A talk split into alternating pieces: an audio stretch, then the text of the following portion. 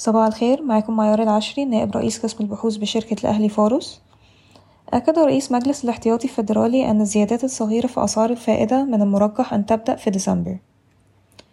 تشير أحدث توقعات البنك الدولي إلى أن تحويلات المصريين بالخارج من المقرر أن ترتفع بنسبة اتنين ونص في المية هذا العام.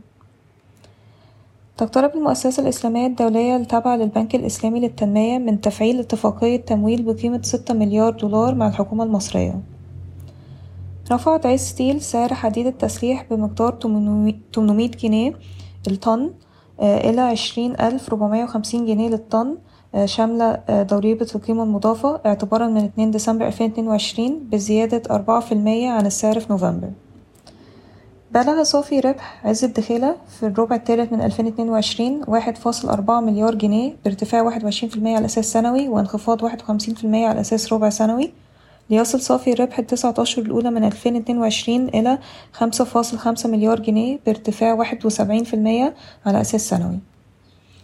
ستوقع مصر عقودا لبناء واحد وعشرين محطة تحلية المياه العام المقبل.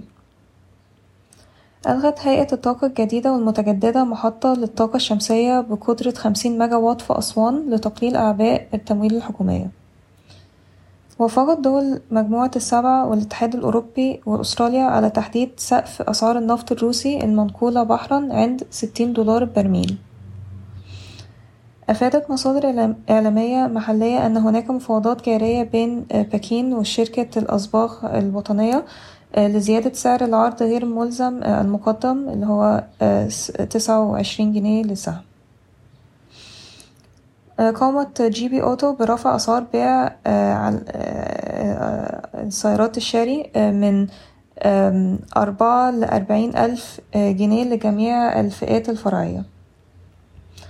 قرر مجلس إدارة فوري إلغاء خطط الإدراج في الولايات المتحدة ويدرس الاستثمار في الشركات الناشئة ذات الصلة بالتكنولوجيا المالية.